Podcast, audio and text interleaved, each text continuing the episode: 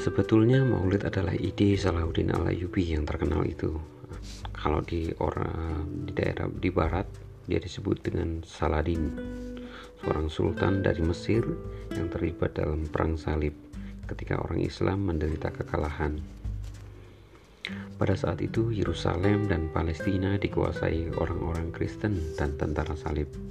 Salahuddin berpikir bagaimana membangkitkan semangat tentara Islam Lalu dia mendapat inspirasi ide dari Natal, di mana orang-orang Kristen memperingati hari kelahiran Nabi Isa Al-Masih.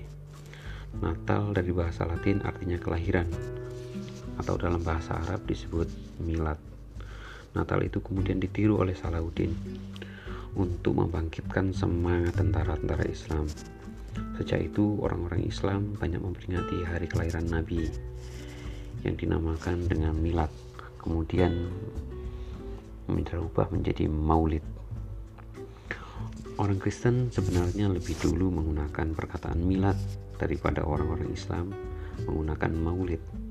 Karena itu tahun-tahun yang kini disebut penanggalan nasional dalam bahasa Arab disebut tahun miladi artinya tahun yang dihitung sejak kelahiran Nabi Isa yakni tahun Masehi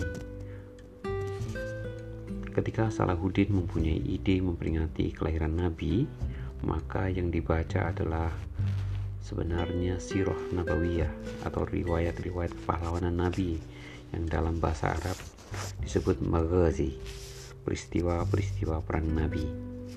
Semua itu membuat kisah bagaimana Nabi memimpin perang Badar, perang Uhud, perang Khandak, dan sebagainya yang di dalamnya memang terkesan kuat sekali tindakan-tindakan heroik Nabi dan para sahabat.